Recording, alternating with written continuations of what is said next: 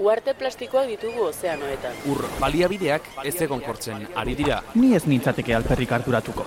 Fenomeno aislatuak dira. Bizioiturak eta herri egiturak aipatu izan dizkidate, zerikusirik balute bezala. Erleak kontserbatzeaz ere hitz egin didate. Baita, ariztiak zaintziaz edo ezeguneak babestiaz ere. Eta ni, Nork babesten hauni. Mikroplastikoak elikadura katean sartu zaizkigu. Ez ez da perfektua. Bioanistasuna galtzeak atzera bueltarik gabeko ondorioak izan ditzake. Lasaitu zaitez, ez da inbesterako izango.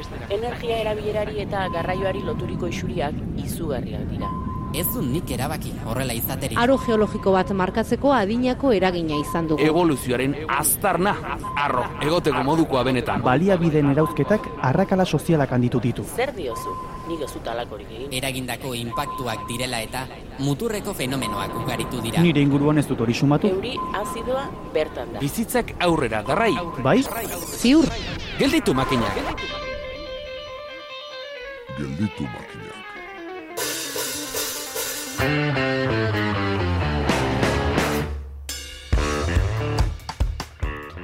Badira lelo batzuk non argi utzi beharra dagoen nork eta zertarako aldarrikatuak diren nahasmenduak ekiditeko bada ere.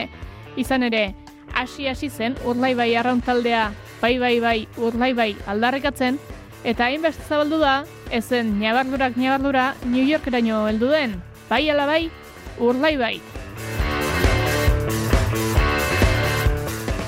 Guggenheima zitz egingo dugu Eider Gotxi Guggenheim Urlaibai Stop plataformako kidearekin. Zientziaren atalera hurbilduko den zientzialaria berriz, idoia biurrun izango dugu fitosoziologia zer den eta ekosisteman egongo diren aldaketen eragina nola neurtu dezakeen azalduko digu.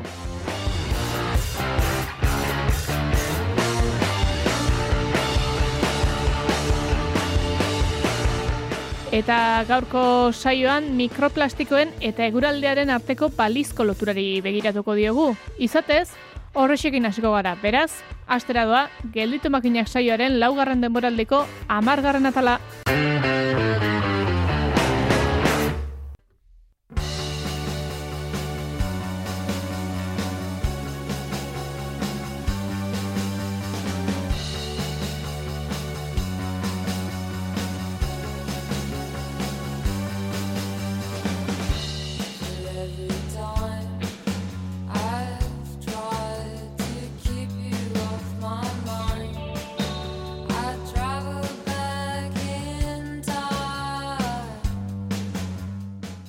Armi arma lurrean, euri aurrean. Azaroa hotz, negua motz, azaroa bero, negua bero. Oteak martxoan lore, ez da faltako, eri eta dolore. Otsailean, lainoan oraino, elurra gero, araño.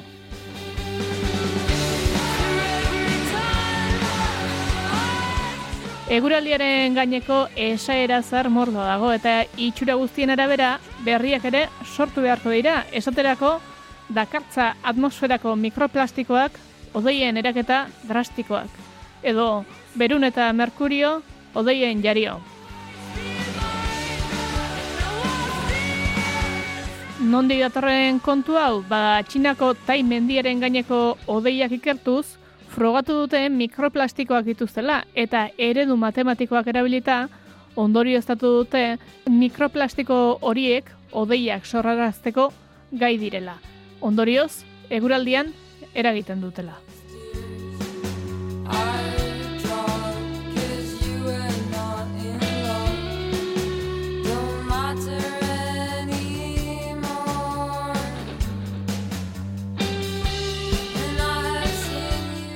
Environmental Science and Technology Letters aldizkarian argitaratu dute ikerketa eta eluiar aldizkariaren bidez jaso dugu guk eta ikerketan analisien emaitzak eman dituzte. Besteak beste, zehaztu dute mikroplastikoak ugariagoak direla garaiera txikian dauden odei dentxoetan, gehienak polimero arruntenak direla eta eun mikrometro baino txikiagokoak direla. Partikula zaharrenek bestalde berun eta merkurio eta oksigeno gehiago dute erantzita zalean eta horiek omen dira odeiak sortzeko almen handiena dutenak.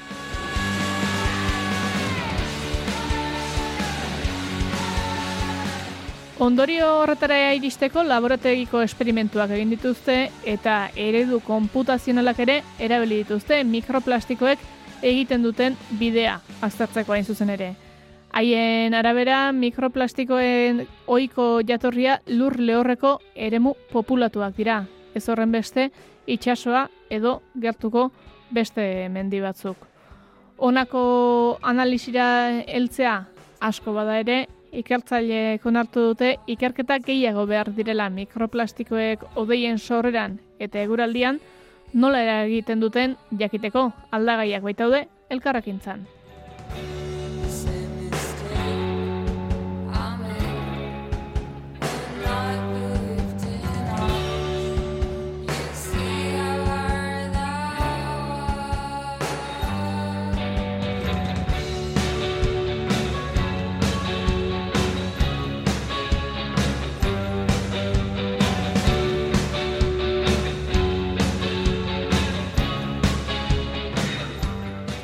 Orengo honetan taimendia baino gertuxiago etorko gara urlaibain egitea aurre ikusita dagoen Guggenheim komplexuaren arira hitzordua jarri baitugu Eider Gotxirekin.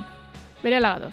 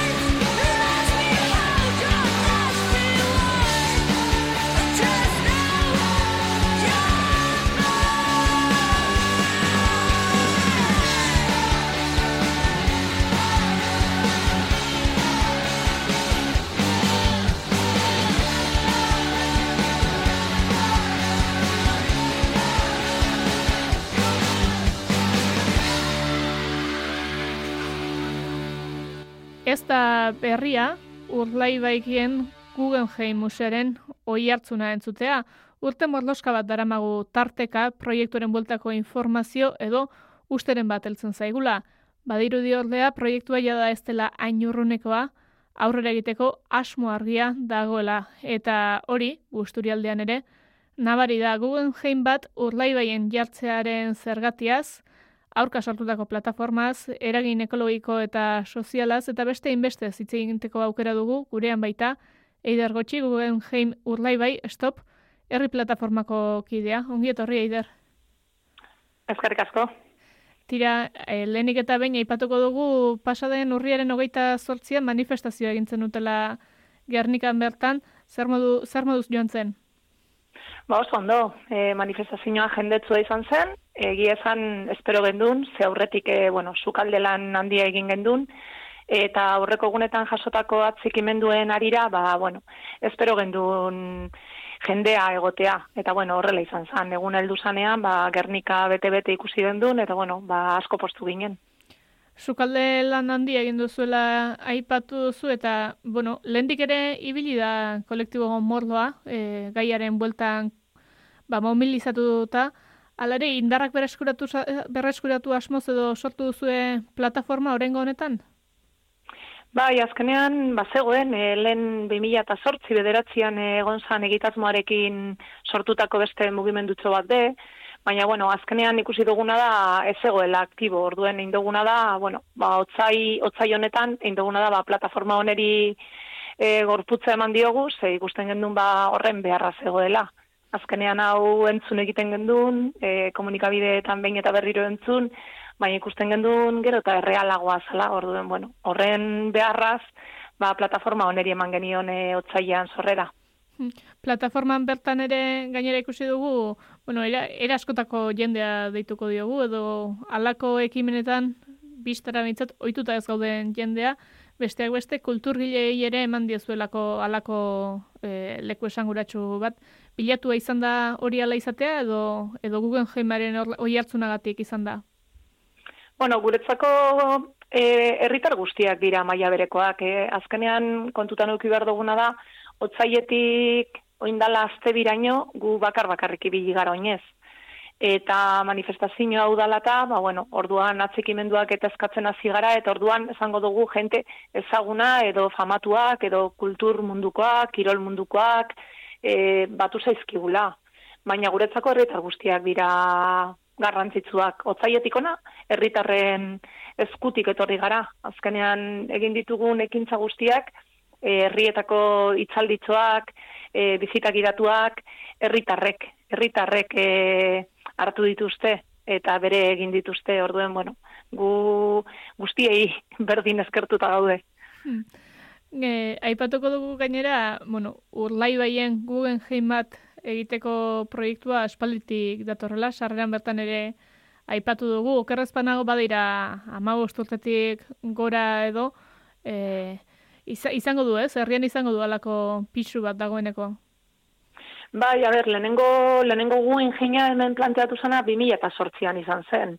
2008-2008 bederatzi gara horretan, e, kontua da, ba, bueno, ez ala momentu egokia izan, hainbat gauza gaitik, politikoki aldundian EAJ zegoen, eta Eusko Jaurlaritzan e, Patzi López, Orduan, bueno, alde horretatik politikoki zuen enkajatu, eta gero krisialdia handi bat be egon zan gara horretan.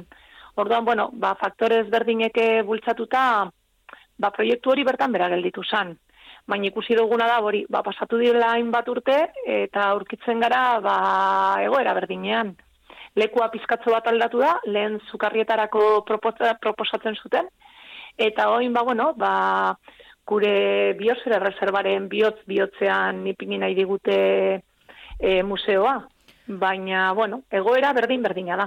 Aipa, aipatu duzu agian, garai hartan etzela politikoki aipatu duzu pixka bat, etzela bideragarria izan edo etzela aurrera atera behintzat, hori da politikoki aldatu da e, ordutik ona, edo beste arrazoi batzuk ere izan dira, Ba, egia esan, e, geupe ez dugu ulertzen, ez da? Zazkenean e, hemen e, manifestazioaren egun batzuk aurrera arte e, EAJak bakarrik ematen zuen proiektu oneri buruzko iritzia. Proiektu honen alde zegoen alderdi bakarra EAJ zan, publikoki ezaten zuen, proiektu bultzatuko zuela eta bai edo bai egingo egingo zera. Baina beste alderdien gandik e, ez dugu, ez dugu inolako informaziorik euki. E, garaiaretan, e, Patxi Lopezen gobernuan zegoen e, Blanca Urgel adibidez, e, proiektu honen kontra agertu zan, e, tinko eta argi. Eta oin, proiektu honen aurka ere agertzen da. Guria dezinoa atzekimendua eman digu e, gure manifestazioarako. E, PCR-ekin zer gertatzen den? Ba, ez dakigu egia esan. E, beraien, beraien iritzia zein den ez digute transmititu.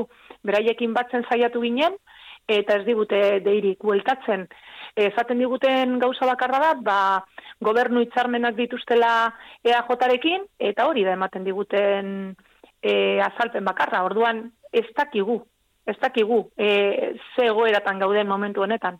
Hain zuzen ere, EAJ ez da alde dagoen alderdi bakarra izango edo, behintzat atxikimenduak eta aurrera begira diru inbertsioak aurre ikusten direlako jaurlaritzan, eta baita Espainiako estatuaren partetik ere, ez da? Bai, aldundiak berrogei milioi euro gorde zituen, unai rementeriaren eskutik, e, hor blindatuta hitzi ditu, guen jeina egiten danerako, bardin dan noiz, hor daude, eta gero ustaiaren lauan, e, Espainiako gobernutik, e, Ministerio de Transición Ekologika deritzon e, ministeritzatik, hortik etorri ziren beste berrogei milioi euro. Bai, eta hori, ba, suposatzen da, eajotarekin egindako akordio baten e, fruitua dela horrela saldu zuen e, ustaiaren lauan e, Aitor Estebanek. Kontua da, bueno, ba, saltzen digutena eta realitatea zein den, ba, beti ez dala, ez bat. Eta kaso honetan, e, hitzarmen horretan hori gertatzen da. Hitzarmen honetan, berrogei milioi euro horiek, e, datozen ministeritzatik etorrita, ba, ingurumena hobetzeko ekintzetan e, oinarritzen dira. Amairu ekintza konkretuki sartzen dira hitzarmen horren barruan. Eta ez dira esan ziguten moduan gu enginaren eraikinak eraikitzeko. Inondik inora bez. Izango lirateke ekintza konkretuak, amairu, eta guztiak ingurumenarekin erlazionatutakoak. Eta hitzarmen horren barruan be, e, badago zeri buelta emon. Ze azkenean, amairu ekintza hoietatik, badago bat, bigarrena, oso esanguratzua dena. E, bertan esaten da, hau, e, erabiliko dela e, subentzino zati bat, parte bat, e, astilleroa, antiguos astilleros de murueta aipatzen dau, e, botatzeko, gero garbitzeko, eta bertan dauden lur kutsatuak ere garbituak e, izateko. Eta, bueno, e, bertan esaten da moduan antiguos astilleros de murueta, ba, hemen bizigarenok, e, badakigu, astillero hori gaur egun martzan dago. Ontze momentuan itsasontzi bat egiten ari dira, arteaga deitzen den itsasontzi bat. Eta, bueno, konbenio honetan, hitzarmen honetan, adierazten digute edo adierazteren eman nahi digute, astillero hori ez dagoela aktibo, eta gainera diru publikoarekin e, garbituko direla berrogeita bi mila, irureun, dalarogeita lau metro karratu lur kutsatu. E, enpresa batek kutsadura bat sortzen duenean eta aktibo badago, bere ardura da e, lur hori kutsatzea. Eta hau guk gogor salatzen dugu. Ezin da herritarra horrela engainatu. Azkenean diru publikoarekin ezin dira kutsadura pribatuak e, garbitu. Eta kasu honetan konbenioaren barruan puntu, puntu bat, bigarren puntua konkretuki hori izango litzateke. Beraz, e, hor e, beste korapilo bat ere izango litzake ez, e, batetik esandakoa, enpresa bera martxan ote dagoen edo ez, ba, bertsioak desberdinak direlako, eta berrogei milioi horietatik, ar, ez zaita argi geratu, horietatik zenbat doaz ba, deskontaminazio hori ematera? E, berrogei milioi orokorrean pasatu dituzte, eta berrogei milioi horrekin amairu ekintza subentzionatuko dituzte. Eta amairu ekintza horietatik bat izango litzateke bigarrena konkretuki, hitzarmena hartzen badugu, hitzarmenan agertzen dira amairu puntuak, eta bigarrena izango litzateke, ba, eh, descontaminación de un suelo de 42.384 metros cuadrados correspondientes a los antiguos astilleros de Murueta en el municipio de Murueta, incluida la demolición de la ruina. Orduan, e, guk hau ez dugu inondik inora onartzen astilleroa bat aktibo dagolako, eta bi, kutsadura horrek badaukalako erantzule bat, eta kutsadura hori ez da diru publikoarekin garbitu behar. Kutsadura horren ardura, enpresak berak dauka, beraz, hori, enpresak berak garbitu beharko leuke. Eta gero, kontutan euki behar dugu baita be, beste informazio garrantzitsu bat, astilleroari mila bederatzen da, berrogeita iruan eman zitzaion e, e, kontzesino bat. Eta kontzesino hori eman zitzaion irurogeita ama bosturtetarako.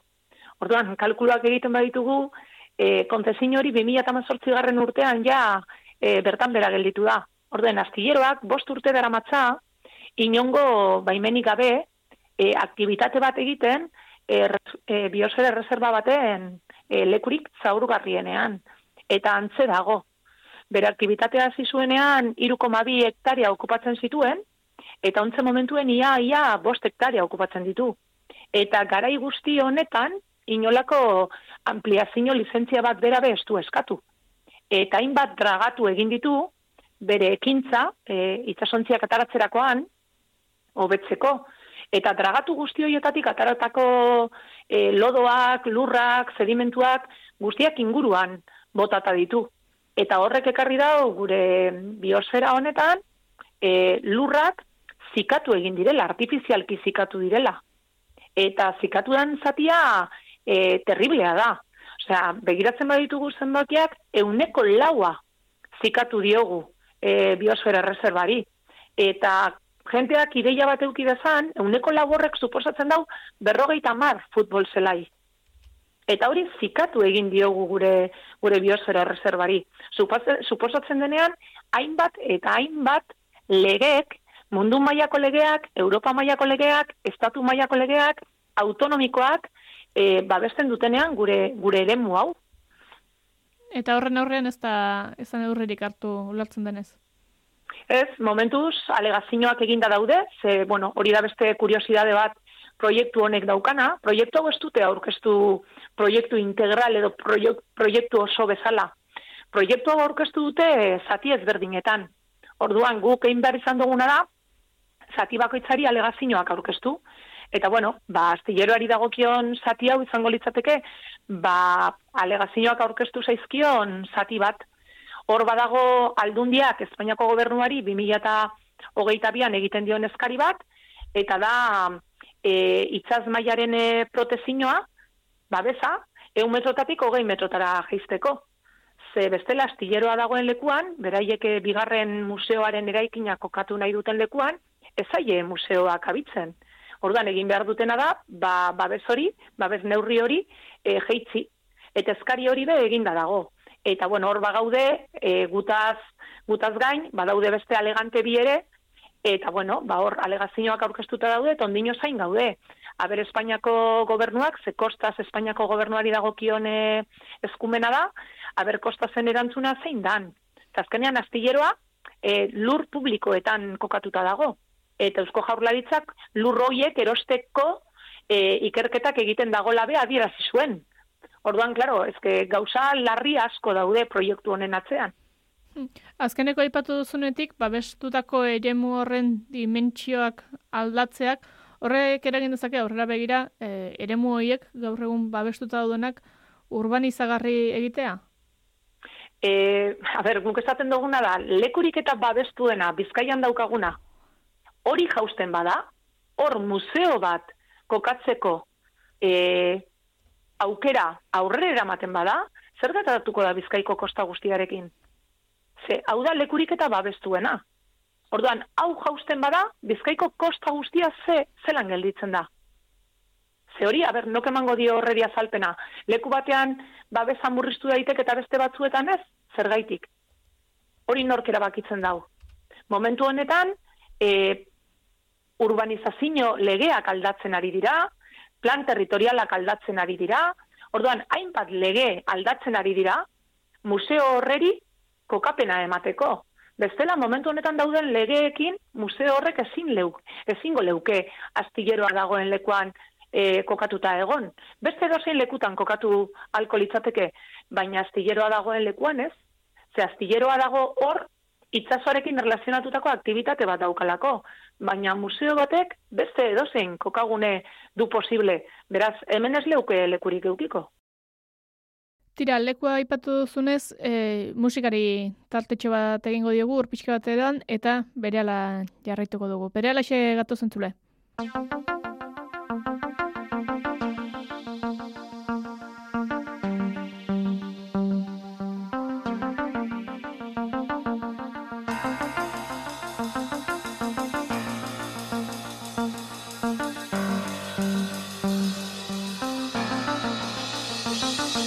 Elkarrizketa mutu baten bare, bare, bare, bare Doinu atren baten liotik pasatzen diren fotogramak Bezala zure esentziak Bestekoaren falta besterik, besterik ez Ez da gaur argia Aldatu da zuri bezarkatzean Zapore berezi, berezi hartu duena Zure barnean, orokortasunean Nazi naiz, nazi egin naiz Egin naiz, egin naiz, egin naiz, egin naiz, egin naiz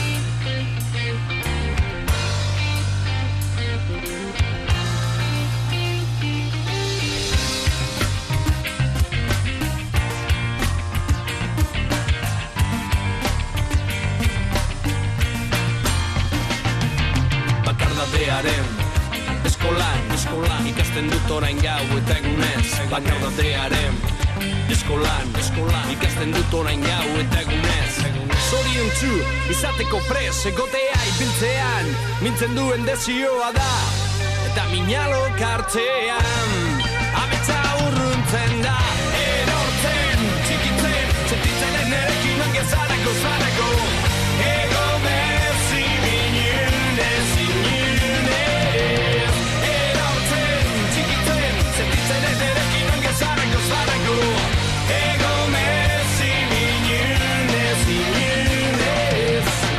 Garrizketa mutu baten bare, bare, bare. Doinu atren baten liotik pasatzen diren fotogramak. Bezala zure esentziak Bestekoaren falta besterik besterik ez ez da geuragia Aldatu da zuri bezarkatzean Zapore berezi berezi hartu duena. Zure barnean, orokortasunean Nazi naiz, nazi egin naiz Egin naiz, egin naiz, egin naiz, egin naiz, egin naiz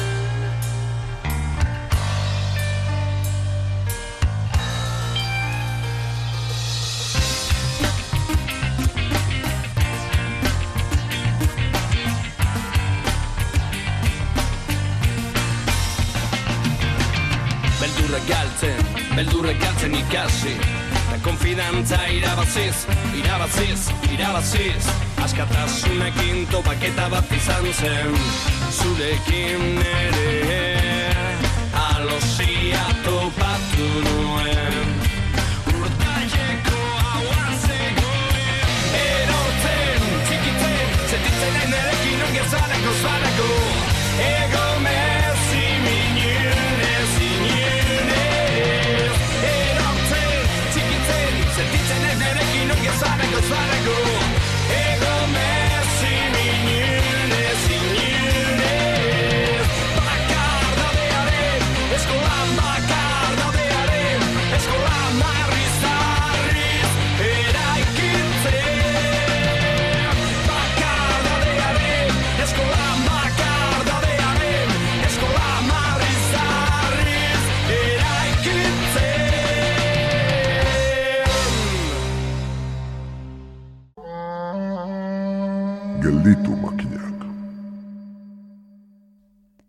Hemen gabiltza, Eider Gotxirekin, Guggenheim Urlaibai Stop plataformako kidearekin, eta bada beste kontu eta ipatu duzunez, e, proiektu hau adar desberdinetatik daramaten ez aurrera, informazioa lortzea, proiektu hauen gaineko xetasunak, e, neurriak lortzea, e, zer moduzko lana ari zaizue egiten, edo iturriekin harreman estuagoa daukazu eta erristasunen zabiltzate, nola zabiltzate alde horretatik? Ba, ezinezkoa. E, nola gabiltzan? Ba, ezinean. E, guk elkarte moduan, zain dezagun urdai bai, elkarte ofiziala da, eta horren barruan sortutakoa da gure plataforma, zain dezagun urdai baiek elkarte moduan eskubide batzu ditu. Eta eskubide horrek aurre eramanez, e, Bizkaiko batzar nagusietan, Bizkaiko foru aldundian, eta eskualdeko hainbat udaletan eskatu du bere garaian e, informazioa. Eta, bueno, batzar nagusiak ukatu egin ziguten, e, Bizkaiko foru aldundiak ere ukatu egin ziguten, eta udalek ez, udalek ez ziguten ukatu, udalek esan ziguten azan, beraiek ere ez zutela informaziorik. Orden, maila horretan jokatzen ari gara. E, proiektu oneri buruzko informaziorik ez dago, ez dago gutxi batzuk dute. E, eta informazio hori e, irakurtzen dugu prentzan, eta gainera prentza konkretu batean. Orden, hori hori ere oso salagarria da. Ze herritarrek olako proiektuak egiten direnean eta proiektu honek ingurumenean eraginen bat dutenean, badute eskubidea, aruz e, konbenioaren hitzetan, badute eskubidea olako proiektuetan parte hartzeko, bat informazioa jasetzeko, bi, parte hartu eta beraien iritzia emateko, eta hiru, e, proiektuarekin bat ez badatoz, ba, epaitegietara eramateko eskubidea ere badaute. Baina guzti hori, e, kasu honetan ez da existitzen. Proiektu oneri buruzko informazioa ez digute inon eman. Orden, prentzan irakurritako informazioa daukagu. Eta prentzan irtetzen dana, inork, inongo momentuan ez du ukatu. Eta hori da aurrera eramaten ari diren informazioa. Prentsa zehatzatu batzuetan irakurria da bestalde eta eta egungo egoerarekin bat dator e, busturialdean ere badagoela lanpostu premia edo behintzat lan munduari buelta bat eman beharra eta horrekin lotu izan dute Urlaibaik Urlaibaiko Guggenheimak lanpostuak sortuko dituela bai museoetan eta baita inguruko e, mugimenduan behintzat. Hori, hori nola ikusten duzu, ze, ze horrela ez dut uste oso ados zaudetenik? Keba, keba. Guk bitu, e, gure eskualdeak e, behar handiak ditu. Hori errealitate bat da, eta hori ukatzen duenak eskualdea ez du ezagutzen. Bai, orduen, e, guk ez dugu inondik inor esango gure eskualdearen egoera ekonomikoa, sozioekonomikoa ona denik. Ez da, ez da ona. Bai? Guk argi daukagu, ur azpiegitura eskazak ditugu, ur hornidura falta daukagu, saneamientu azpiegiturak amaitu gabe daude, e, ospitale bat daukagu azkenengo solairua e, utzik daukana, ambulatorio lanak egiten dituen ospitale bat, e, gure gazteek ezin dute Bermeo, Mundaka, e, ezinezkoa da, etxe bat alokatzea, kanpora irten behar dira, orden, guzti horren, guzti horren berri guk badaukagu, nekazaritza zegoeratan dagoen, arrantza sektorea zegoeratan dagoen, gu guzturi ezagutzen dugu. Ez duguna onartzen da, kanpotik, Bilboko bulegoetatik, Gasteizko bulegoetatik, edo are gehiago, Nueva Yorkeko bulegoetatik ezat, e, tortzea esatera, proiektu honek, guen jein urdaibai proiektuak, gure eskualdearen ekonomia e, aurrera eramango duela, gure eskualdea bizituko duela. Hori da ez duguna onartzen. Kontu honetan, e, diru publikoa aipatzen da, aldundiaren berrogei milioiak, e, Espainiako gobernuaren berrogei milioiak, eta e, prozesu hau, e, proiektu hau, martzan jartzeko, eundo geita mar milioi euro beharko dituztela kalkulatu dute beraiek. Cooper Anderson, e, arkitektu bulegoak Nueva Yorketik eman dituen zenbakiak hoiek dira. Proiektu hau martzan e, jartzeko, eundo geita mar milioi euro beharko direla. Eta esaten digutena da, eundo geita mar milioi euro inbertituko dituztela eskualdean. Eta hori ez da egia. Inbertituko dituzte, baina Guggenheim fundazioen poltsikoan. Eta gero, Guggenheim fundazioaren poltsikoan inbertituta gero, museo horrek eraikita gero, Guggenheim fundazioak izena besterik ez dau ipiniko, zestu inbertziniorik egingo, inbertzinioa diru publikoarekin egingo litzateke, eskualde guzti bat geldituko litzateke turismoaren menpe. Museo hoien etorkizuna ona den edo ez, horren zain geldituko litzateke eskualde guzti bat, eta guretzako hori ez da bat ere serioa. Ikusi dugu pandemian, turismoa non gelditu zan, baina badirudi gure agintarizek ez dutela ezer ikasi pandemiatik. Turismoak lur jotzen duenean, zertaz bizi behar da eskualde guzti bat. Eta konparatzen digute gaikera, e, Bilbon dagoen guen jinaren efektuarekin. Zelan konparatuko dugu Bilbon, kapital batean, hiriburu batean kokatuta dagoen museo bat, eta hemen urdaibaien, azpiegitura guztiz ezberdinak dituen eskualde batean, kokatuko duten museo bat. Bilboko museoari buruz beti entzun dugu, diru asko ekartzen duela Bilbora, eta bueno, ekonomikoki bultzada handia ematen diola Bizkaiari, e, benetan begiratzen baditugu, e, Guggenheim museoaren zenbakiak, lau 6 milioi euroko galerak ditu urtero.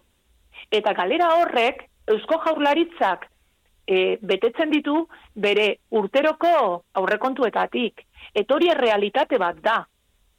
Eta beste faktore asko gaitik, inguruan, e, ostalaritzan, hoteletan, sortzen dauan e, bizitasunagaitik, ba hori aurrera eraman daiteke. Baina hori bideragarria litzateke urdaibaien. Urdaibaiek ez ditu inondik inora bilbok dituen azpiegiturak. Eta ditugun hotelak, jatetzeak, e, ditugunak dira. Ez dago gehiago. Eta gaur egun, beteta daude, museo barik beteta daude. Orduen, non egongo da onura hori? Gainera esaten digute museo hau zabalduko dela urtean hiru hilabetez. Zelako lanpostuak dira hiru hilabetez aurrera eraman eta duintasunez bizitzeko aukera ematen dizunak. Guk hori ez dugu ezagutzen. Bilboko museoa urte osoan dago e, zabalik. Eta bertako langileek hainbat greba egin dituzte. E, orduan, ez dakit, zeintzuk dira baldintza hoiek hiru hilabetetan hobetu daitezkenak. Guk lanpostu hoiek, beraiek mai gainen jartzen dituzten lanpostu horrek, ez ditugu inondik inora ikusten. Eta sortzen badira, guztiz prekarioak izango dira. Beste kontu bat eider eta begira ibili garenez, ari zarete lan egiten otsailetik aipatu duzu, baina baina etzen gabeko lanean zabiltzate eta El Salton irakurritako artikulu batean ere bada, zuek aipatzen duzuenez, urlaibaiko guei jemek aurrera egin duela trampa legalekin, faltsutasunekin eta zentsura informatiboarekin. Eta trampa horiek, horiekin ere lotzen da, herritarren parte hartzea sustatu iz, ez izana salatzen dela, naiz eta e, antzestu duten parte hartze hori izan dela, ez? Sondeo bidez egin dela parte hartze hori. Horre ere badago pakotasun bat itxuraz? Bai, bai, guztiz. E, a ber, gure, gure eskualdean hogeita bi udaletxe daude. Udaletxeetan ez dago informaziorik. Udaletxe baten ez badago informaziorik, non dago parte hartzea? Ezke, aldundiaren funtzioa zein da? Udalet dituzten beharrei laguntza ematea. Eta azkenean ikusten duguna da alderantziz, hemen aldundiak erabakitzen dau eta udalak egiten dagoena da, amen, ezan. Ordan, e, guk kontrara ikusten dugu funtzionamendua. Herritarrak, udaletzeak eta gero aldundia. Eta eskualde honetan ikusi behar dena da, zein dan benetan eskualdeak daukan beharra. Hainbat plan egin dira berrogei urtetan eskualde honetan. Hainbat plan sozioekonomiko egin dira. Eta plan guzti horiek dirutza bat ordainduta, eusko jaurlaritzara eraman dira.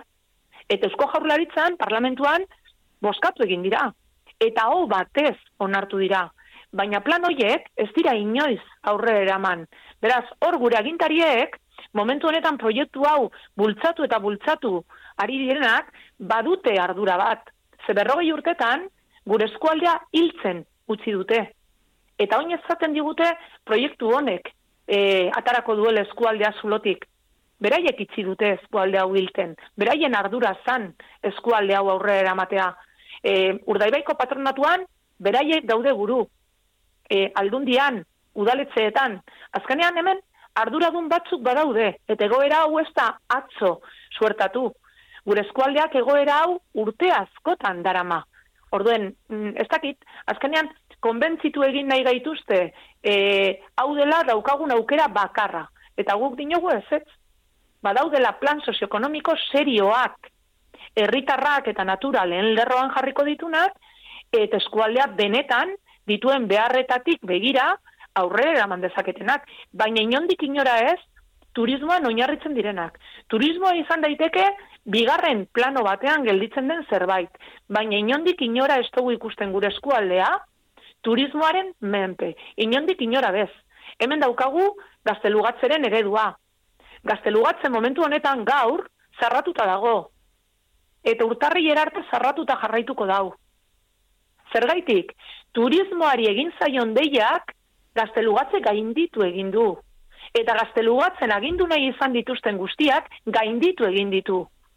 Eta oin egoera honetan gaude, konponketak, sortzireun mila euro inbertituko dira ontze gaztelugatzen. Eta gauza guztiek ez daukie konponbiderik. Gaztelugatze eta biosfera reserva ezin dira konparatu. Biosfera reservan olako kalte bat gertatuko balitz, horrek ez leuke bueltarik eukiko. Eta hori planteatu behar dute egiten. Eta Europan badago printzipio bat, zurtziaren printzipioa deitzen dena, eta ingurumen ekintzekin lotuta egoten da normalean. Eta esaten dagoana da, proiektu batek ingurumenean kalte bat sortzeko aukera txikiren bat balego, proiektu hori ezin da aurrera eraman. Eta guk ikusten duguna da, guragintariek, printzipio hori ezagutu ere ez dute egiten.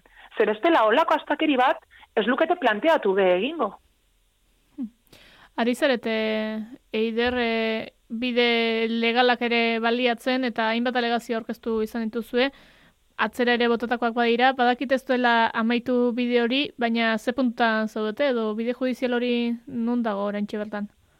Bueno, gure alegazioak aurkeztuta daude, oin beste bide batzuk, beste bide batzuk aztertzen ari gara, badagor Espainiako gobernurantz e, eramango gaituen, bueno, joaten ari garen e, bidea eta Europa. E, guk argi daukagu, hau, gelditzeko, ez da hemendik izango, hemen ez dugu ikusten borondaterik. Orduen, e, kanpotik gelditu beharko da. Orduen, bueno, ba horrek dira e, ontze momentuan e, landu behar diren bideak, eta horretan ari gara. Eta orain arte, bakarrik ibili gara bide honetan, esan deutzut, otzaietik ona, herritarren eskutik e, ibili gara. Baina, bueno, manifestazio hau medio, ba, atzekimendu ezberdinak jaso ditugu, eta momentu honetan, ba, bueno, alderdi politiko batzuk ere badakigu, ba, proiektu honen e, kontra daudela. Orduan, uste dut, ba, beste, beste bide batzuk zabaltzen dira, eta borroka ez da plataformarena bakarrik izango. Hemen, ba, bueno, bakoitzak bere bidea eginez, baina uste dut danok daukagula ardura bat, eta bakoitzak bere landuko du, baina proiektu honen kontra gauden guztiok, ba, esfortzu bat egin beharko dugu benetan, gure biosfera reserva babesteko eta proiektu hau gelditzeko. Maila, urlaibatik maila zabalago batera eraman nahi duzu beraz, biosferari dagokion gatazka hau. Bai, bai, argi da, azkenean kontutan eduki behar duguna da, e, diruak, diru publikoak, e, Euskaldun guztionak dira. E, Bizkaikoak, Gipuzkoakoak eta Arabakoak, e, Espainiako gobernuak eman duen dirua be, ez da Bizkaitarrena bakarrik. Orduen, e, kontu hau e, guztion ardura da. Eta e, Urdaibaiko biosfera erreserba Euskadin daukagun bakarra da. Orduan, ardura guztiona da ardura guztiona da. Eta, bueno, ba, azkenien gure intentzioa izango litzateke zabaltzea, aliketa gehien. Eta aliketa txekimendu gehien e, lortzea proiektu honen kontra.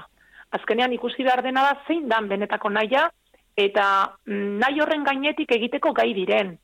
Azkenean, e, proiektu hau e, oso era bitzian e, sortu zan, esan ziguten, bai ala bai egingo zala hori unai rementeriaren lehenengo hitzak izan ziren. Guretzako e, adierazteko era oso larria izan zen.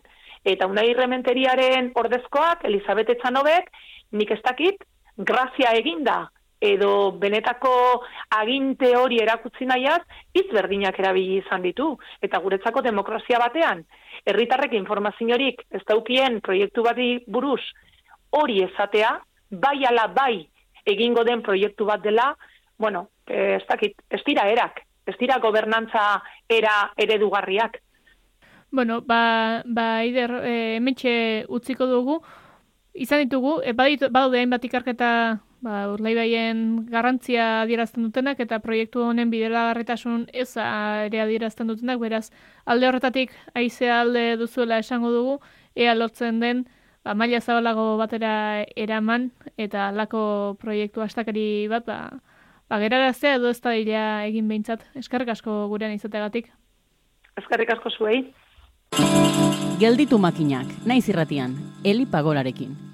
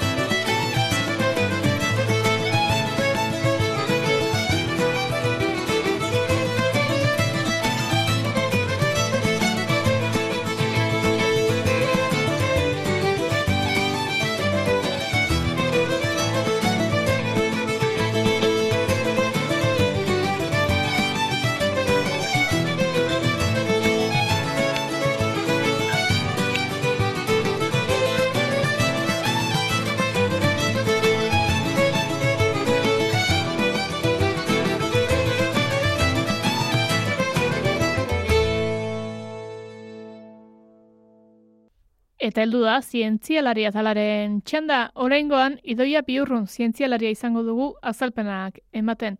Fitosoziologia bidez nola ikertzen diren landare komunitateak eta horren baliagarritasunaren berri izateko zientzia pilula.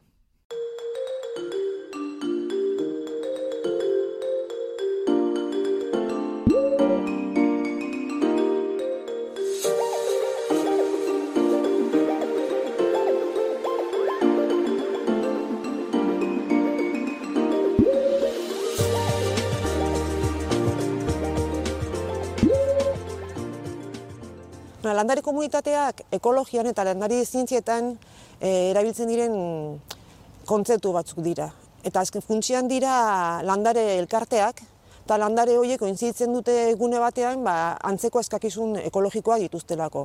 Eta ondorioz daude montatuta klima eta ingurune baldintza bernietara. Ba, esaterako, oian tropikala, ba, klima tropikalean, e, tundra, klima polarrean, eta hemen gu, hemen Euskal Herrian dauzkagu ba, baso epelak, hemen iparraldean, baso mediterraneoak egoaldean, eta gero badira baita ere beste landare komunitate batzuk, ba, giza eraginaren ondorioz garatzen direnak, esaterako sega belardiak, eta beste bestelakoak ere. Fitosoziologia landare komunitateak sailkatzeko erabiltzen den metodologia edo tresna bada nahiko berria da, hogei garren mendearen erdialdera edo garatu zen batipat, Europan hasi zen, baina gaur egun mundu guzian zehar erabiltzen da, eta bere funtsa da ba, landare komunitateen ezagutza e, komunitate hori osatzen duten espezien identitateaz baliatuz. Beraz, e, konparatzen dira landare komunitate ezberdinak, beren antzekotasun floristikoaren arabera, eta horren arabera fitosoziologiak sailkapen sistema hierarkiko bat e, osatzen du taxonomia klasikoaren modukoa. Taxonomia klasikoan espeziak generotan antolatzen dira, generoak familiatan, hauek ordenetan, klasetan dabar. Fitosoziologian ere berdin egiten da, beraz oso antzekoak diren komunitateak, izango dira, ba, adibidez, bi baso mota nahiko berdinak direnak, ba, pagadiat eta aristi bat, gero antzekotasun maila txikiago izango dute ba, pinudi batekin, eta oraindik txikiagoa belardi batekin edo beste dozein ekosistemarekin. Fitosoziologiak antzekotasun maila diferente horiek, espezieen osaian arabera, denak barneratzen ditu. Garrantzia handia dauka bai zientzia basikoan eta baita ere alderdi aplikatuetan. Zientzia basikoan esaterako ekosistematan esperimentuak egiten ditugunean, ba, ingune baldintzen aldaketak ba, zer eragina izango duten jakiteko eta bar, Importante izango da guk hori, esperimentu hori kontestualizatu izatea, eta horretarako ezinbestekoa da landare komunitate hori zein den ezagutzea. Bestalde, e, ingu, e, alderdi aplikatuari dagokiola, ingun, e, aldaketa globalak ekarriko dizkigun ba, klima aldaketa, e, lurra erabilaren aldaketa, eta abar, horiek denak zer eragin izango duten e, jakiteko, ezinbestekoa da landare komunitateak ondi ezagutzea aurretikan, eta noski nola ez ere, e, landari meditzaileen eragina zein izango den aurresan izateko. Eta beren jokabidea, bitorgizunen zein izango den jakin izateko. Horrek denak biodibertsitatearen konservazioan importantzia handia dauka. Bo, landari zintzilarien erronka nagusiena da, azken finean, e, gizakiek daukagun arazoekin lotuta dagoena, eta hori da naturaren konservazioa, azken finean gure etorkizuna, ba, natura eta ekosistemaren konserbatzerekin oso loturi dago. Eta gure aldetik, gure ekarpena da ba, landare komunitateak eta ondorioz landare dia eta ekosistemen osagai vegetal hori alden hobekien ezagutzea, ez bakarrik ze landarek eta ze animaliek osatzen dituzten ekosistema horiek baita ere, nola elkartzen diren, ze erlazio dituzten horren artean, nola funtzionatzen duten, eta horrela, ba, aldaketa globalak ekarriko dituen aldaketai ba, errazago erantzun izango diegu eta hobeto prestatu izango gara eta alden neurria mentzat ba, ekosistemak eta espeziak ba, kontserbatu alizateko. Hau da, biodibertsitatea kontserbatu alizateko.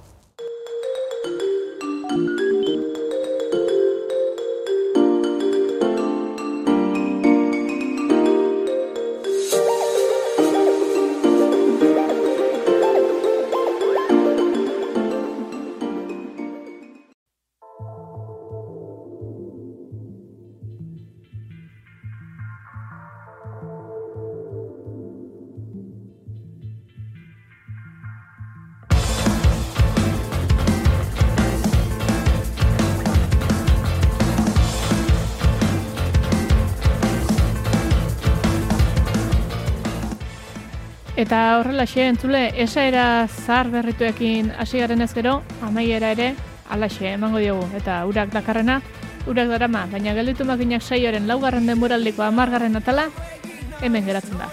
Ongi bili.